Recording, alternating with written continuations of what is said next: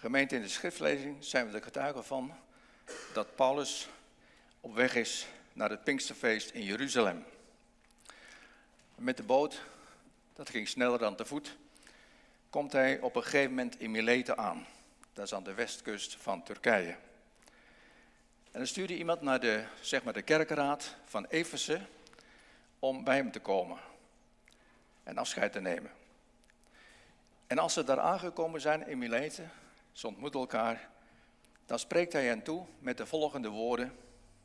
U weet dat ik te midden van u geleefd heb, vanaf de eerste dag dat ik in Asia was. Ik heb de Heer in alle nederigheid gediend en heb al het verdriet en de beproevingen als gevolg van de samenswering van de Joden doorstaan. U weet ook dat ik alles bekend heb gemaakt wat uw welzijn ten goede komt, en dat ik u daarover in het openbaar en thuis heb onderricht. Zowel Joden als Grieken heb ik opgeroepen zich te bekeren tot God en te geloven in Jezus onze Heer. Nu ben ik op weg naar Jeruzalem, gedreven door de geest, zonder te weten wat me daar te wachten staat, behalve dan dat de Heilige Geest me in iedere stad verzekert dat gevangenschap en vervolging mijn deel zullen zijn. Ik hecht echter niet de minste waarde aan het behoud van mijn leven. Als ik mijn levenstaak maar kan voltooien en de opdracht uitvoeren die ik van de Heer Jezus ontvangen heb, getuigen van het evangelie van Gods genade. Ik weet dat niemand van u, aan wie ik op mijn reizen het koninkrijk heb verkondigd, mij terug zal zien. Daarom verklaar ik hier op deze dag dat ik voor niemand ondergang verantwoordelijk ben. Ik heb immers mijn uiterste best gedaan om u vertrouwd te maken met Gods wil. Zorg voor jezelf en voor de hele kudde waarover de Heilige Geest u als herder heeft aangesteld. U bent de opzieners van Gods gemeente, die Hij verworven heeft door het bloed van zijn eigen zoon. Ik weet dat er na mijn vertrek woeste wolven bij u zullen binnendringen, die de kudde niet zullen ontzien. Uit uw eigen kring zullen mensen voortkomen die de waarheid verdraaien om de leerlingen voor zich te winnen. Wees daarom waakzaam en vergeet niet hoe ik ieder van u drie jaar lang dag en nacht onder tranen steeds weer raad heb gegeven. Nu vertrouw ik u toe aan God en aan het evangelie van Zijn genade, dat onze gemeenschap kan opbouwen en dat het beloofde erfdeel zal schenken aan allen die Hem toebehoren. Toen hij, deze, toen hij uitgesproken was, knielde hij samen met de aanwezigen neer om te bidden. Niemand kon zijn tranen bedwingen. Allen vielen ze Paulus om de hals en kusten hem. Ze waren vooral zo ontdaan omdat hij gezegd had dat ze hem niet lang niet terug zouden zien. Toen deden ze hem uitgeleiden naar het schip. Het thema van de verkondiging is tot herderschap geroepen. Gemeente, Marleen en Ad, gasten in ons midden, alle die met ons verbonden zijn op dit moment. In de lezing zijn we getuigen van een heel emotioneel afscheid. Wat ik al zei aan de kust van Klein-Azië. Want, Paulus die weet, hier kom ik niet meer terug. Gevangenschap en vervolging te wachten, hoorden we. Hij is op weg naar Jeruzalem om daar met de broeders en zusters het Pinksterfeest mee te maken. En daarvoor willen wij de mensen uit Eversen van de kerkraad, zeg maar, nog één keer zien. En ze komen. Dat is ongeveer zo'n 50, 60 kilometer van Mileten vandaan, Eversen. Maar ze gaan, het kost hen veel tijd, reis, maar ze gaan omdat ze zo dankbaar zijn voor wat Paulus heeft mogen betekenen voor de gemeente. Even zoals een, zeg maar een zogenaamde pioniersplek die hij heeft gesticht, waar hij weken, maanden, jaren het evangelie heeft verkondigd, de gemeente heeft toegerust, opgebouwd.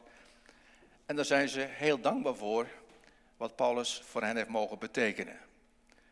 En als dit de laatste keer is dat ze elkaar zien, doet dat pijn. Afscheid nemen is eigenlijk een stukje sterven, wordt wel gezegd.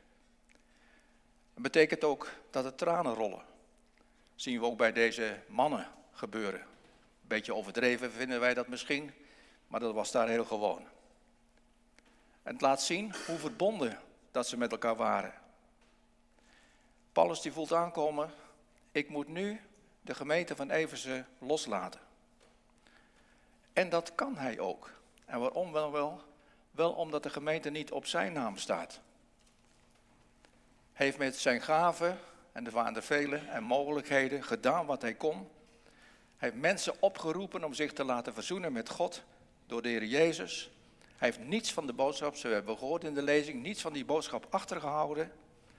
Hij heeft ze onder tranen verkondigd dat er alleen maar leven is in de Heer Jezus. Dat er alleen maar vergeving is door het bloed van Jezus, door het offer dat Hij heeft gebracht. Hij heeft ze gezegd dat er buiten Jezus geen heil is, geen redding, geen leven.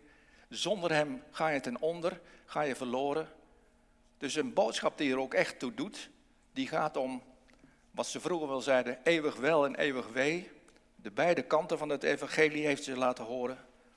En nu is dat afgelopen. Hij neemt afscheid en moeten zij de, de opdracht overnemen. En dat doet hij met de woorden van onze tekst die we gehoord hebben. Zie toe, oftewel zorg voor uzelf en voor de hele kudde waarover de Heilige Geest u als herders heeft aangesteld. U bent de opzieners van Gods gemeente, die hij verworven heeft door het bloed van zijn eigen zoon. Tot herderschap geroepen, heb ik boven de preek gezet. Tot herderschap geroepen. En dat niet alleen de broeders toen, maar ook de broeders en later ook de zusters van alle tijden, die in het ambt van oudering met name bevestigd zijn. Dus ook jullie geldt die boodschap. In de naam van de goede herder ben je tot herder bevestigd. Maar wat een opdracht. Wat een verantwoordelijkheid als je het allemaal hoort. Want het gaat hier niet om een taak of om een functie van een of andere vereniging of club, maar om een gemeente van de Heer Jezus, waaraan Hij zijn naam heeft verbonden, die kostbaar is in zijn oog. De gemeente, ook zijn oogappel. Een gemeente die niet door mensen is gesticht of in het leven geroepen, zoals dat met de vereniging is. Een voetbalvereniging ben je lid van omdat je van voetballen houdt, of van een zangvereniging omdat je van zingen houdt. Door mensen ingesteld. Zo is het niet met de gemeente. Ze is uit deze wereld geroepen. In het Grieks de ecclesia. Eruit geroepen. Door God zelf, door zijn woord, door zijn geest. Waardoor mensen geraakt zijn. En Jezus, zo lazen we, hoorden we in onze tekst, heeft daar zijn leven voor gegeven. Zijn bloed voor gestort. Hij is daarvoor gestorven aan het kruis. Dat is wat. We hebben het over de kerk. In het Grieks kuriake. Dat betekent wat van de Heer is. Wat van de Heer is.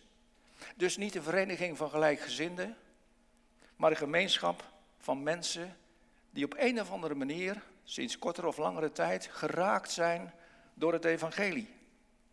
En die in de relatie met de Heer Jezus zijn opgenomen, die de relatie, persoonlijke relatie ook kennen. Ondanks haar onvolmaaktheid, want er zijn onvolmaakte mensen, houdt God van zijn gemeente. Het is zijn kerk. Ze is in zijn oog, het heeft zijn hart. In onze tekst, en vanmorgen hebben we dat meer gezegd, bij de kinderen ook, wordt het vergeleken met een kudde. Dan kun je dat niet zo'n vlijende benaming vinden. Want bij kudde denk je al heel gauw aan kudde dieren. Mensen die blindelings hun leider volgen. Nou, dat, dat is, wordt met dat beeld hier niet bedoeld. Beeld heeft te maken met de nauwe verbondenheid.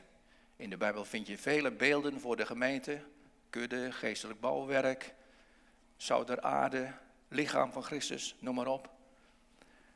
vergeleken met een kudde wat slaat op de nauwe verbondenheid tussen de Heer Jezus als de goede herder en zijn schapen, de gemeente. Die verbondenheid, dat is het eerste accent wat erin ligt. Tweede is ook haar afhankelijkheid, haar kwetsbaarheid. Een schaap is een kwetsbaar dier.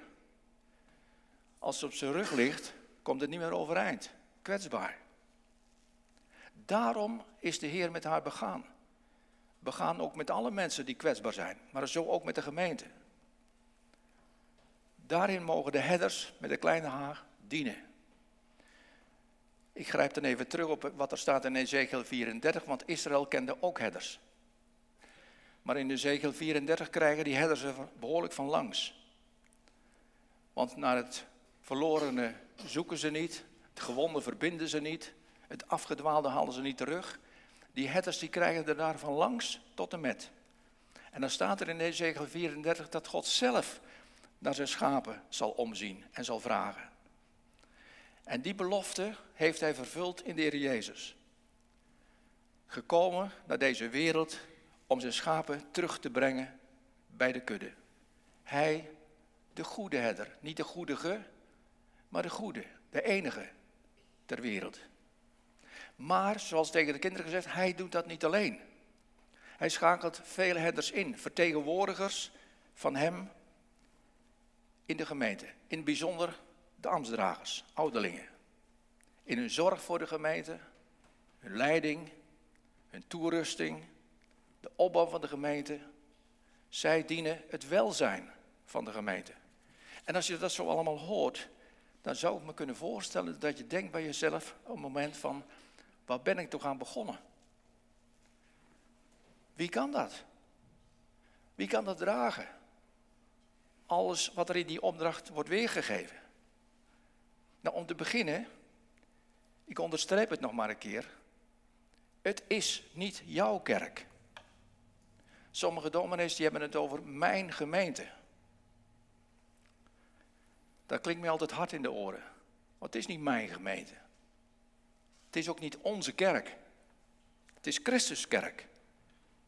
En daarmee, hij legt die gemeente niet op onze schouders, op jullie schouders. Want dat kan niemand dragen.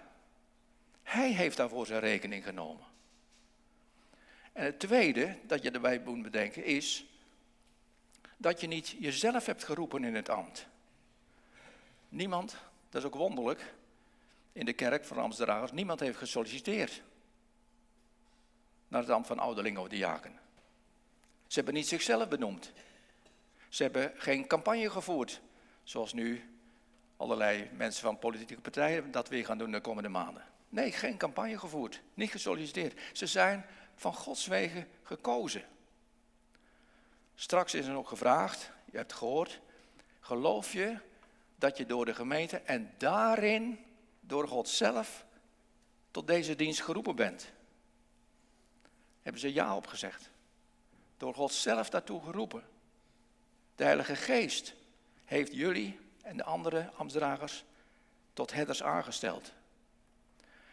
Niet toevallig, ik weet niet of u dat gehoord hebt in de onderwijzing, niet toevallig, dat we hen ook zeer hoog zullen achten in hun ambt. Daar hebben we straks op geantwoord, ja, dat willen wij van harte. Heb je gehoord wat je daarin zei? Is dat tot u doorgedrongen?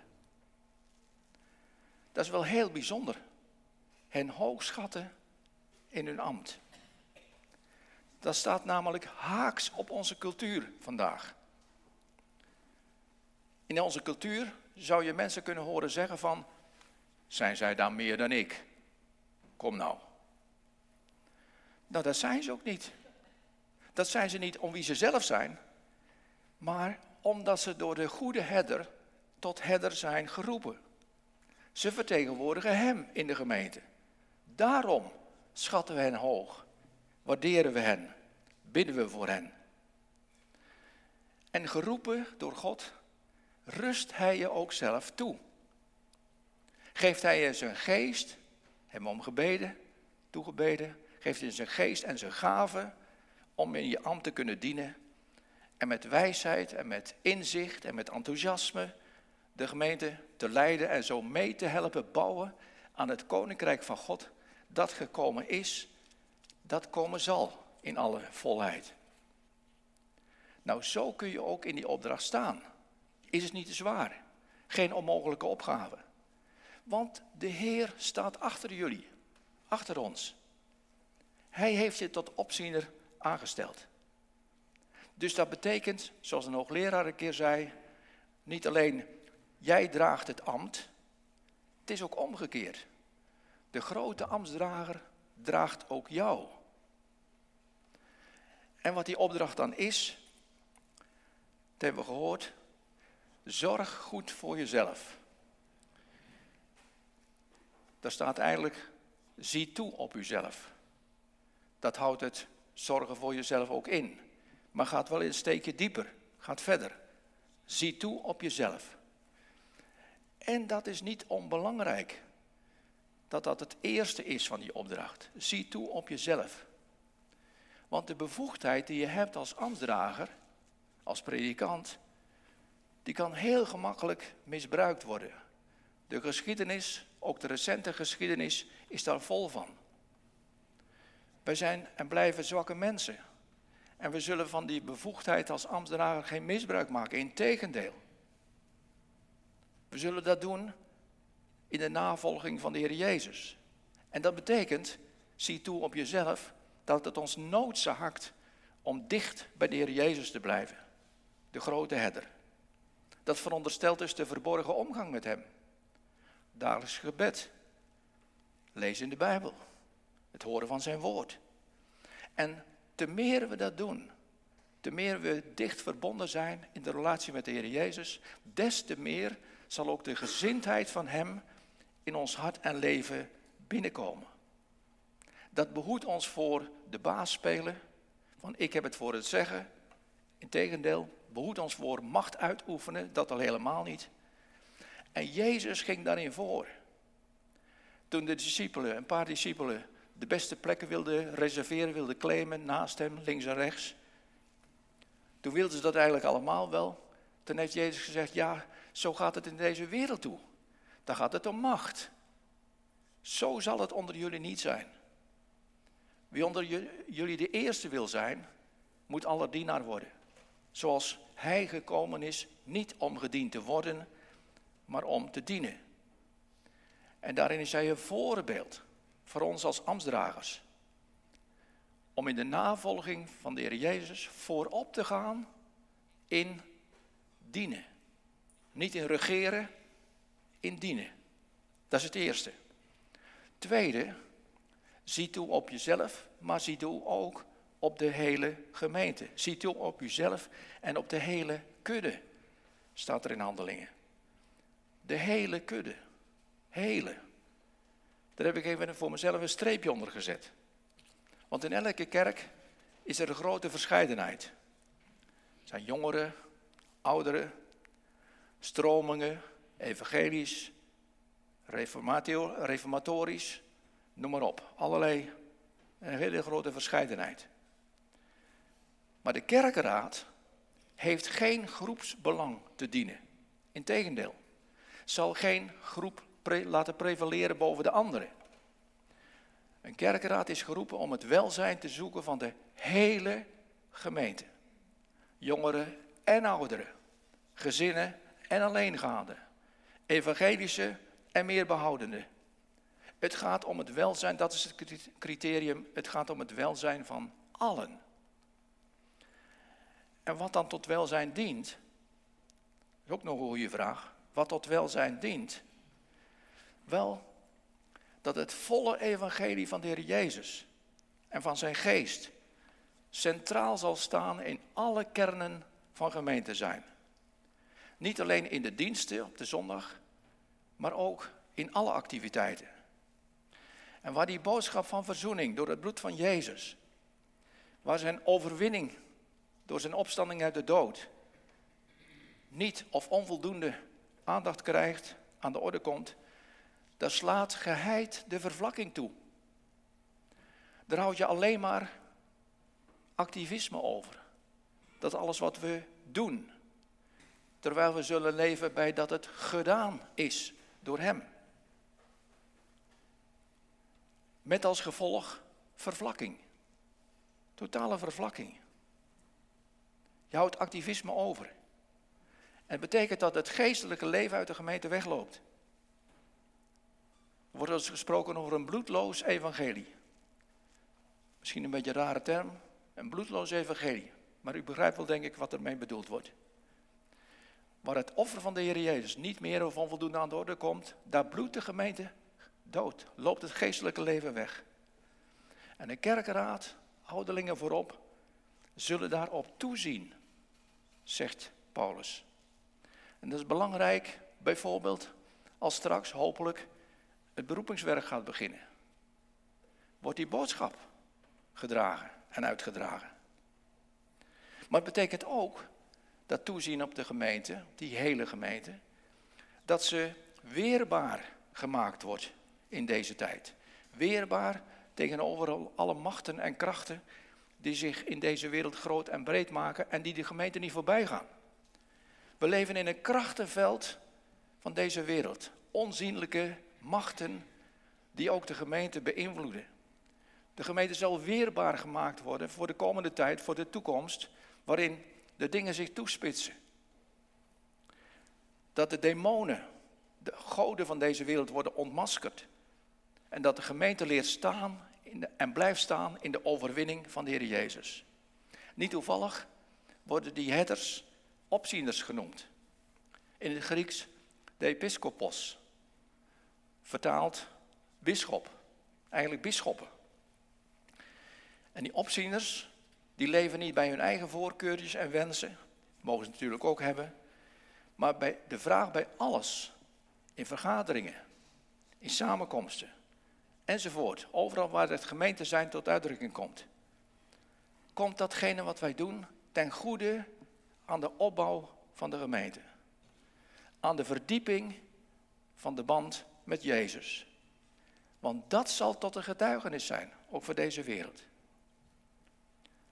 Toezien op jezelf, toezien op de hele gemeente, heeft ook te maken met waakzaamheid. Paulus die spreekt over woeste wolven die zullen komen. En ik moest ook even denken aan Johannes 10, waar de Heer Jezus de gelijkenis vertelt van de goede herder, waar ook het woord wolf naar voren komt. Die komt om de schapen te roven. Wat ik al zei, de gemeente staat in het krachtenveld van deze wereld. Maar niet alleen krachten van buiten, en dat doet de apostel hier vooral op, maar ook krachten van binnen. Er zijn altijd wel mensen in de gemeente, gemeenteleden, die op een heel subtiele manier meer afbreken dan opbouwen. Meer verdeeldheid zaaien dan de eenheid zoeken. Wolven in schaapskleren worden het ook wel genoemd. Met negativiteit, met kritiek. En dat doet meer kwaad dan goed. Dat heeft meer te maken met, als gevolg heeft het meer te maken met scheiden dan met wijden. Paulus die zegt, wees waakzaam. Zei hij tegen de ouderlingen van Efeze toen, zegt hij tegen de ouderlingen van nu. Het derde van die opdracht. Amstdragers, met name ouderlingen, zijn geroepen om de kudde, om de gemeente te wijden. Helaas is dat woord weggevallen in de nieuwe Bijbelvertaling. Maar het staat er wel degelijk. Dus ze zorgen ervoor dat de gemeente voldoende geestelijk voedsel krijgt. Zoals echte herders, die zoeken natuurlijk de beste grazige weiden op voor hun schapen. Dan zou Ad kunnen zeggen, ja, ik ben ouder in kerkrentmeester. Dus ja, maar ook die heeft de taak om de verkondiging voortgang te laten vinden. Door over de financiën te gaan, vanzelf. En bij ouderling kerkrentmeester, het is niet kerkrentmeester ouderling, maar net andersom, de ouderling gaat voorop. De zorg ervoor met elkaar dat de gemeente genoeg te eten en te drinken krijgt, om het zo te zeggen. Uit het woord van God. Dat levende woord, dat levende brood, dat levende water, dat Jezus is. Dat wijde heeft natuurlijk ook te maken met pastorale zorg, herderlijke zorg, het zieke versterken, de mensen die geen hoop hebben te bemoedigen, noem maar op. Al met al, dat zal wel duidelijk zijn, een verantwoordelijke taak. Maar een prachtige taak. Een prachtige taak. Een eer. Een voorrecht. Een zegen. Je bent te feliciteren. En als we straks de nieuwe ambtsdragers een hand geven, dan zou je ze ook kunnen feliciteren. Dat ze in dit ambt benoemd zijn en bevestigd zijn. Een taak die ze niet vanuit zichzelf hoeven waar te maken. Want, zoals de Bijbel zegt, Hij is getrouw, Hij zal het doen door jou heen. Als nou meerdere van ons zouden denken bij zichzelf, nou, in die preek was er weinig van mij bij. Dan denk ik dat je het mis hebt. Want naast dat bijzondere ambt, waarin de kerkraadsleden delen, zijn we allemaal geroepen in de dienst van God. Niemand uitgezonderd. We zijn ook elkaars herder.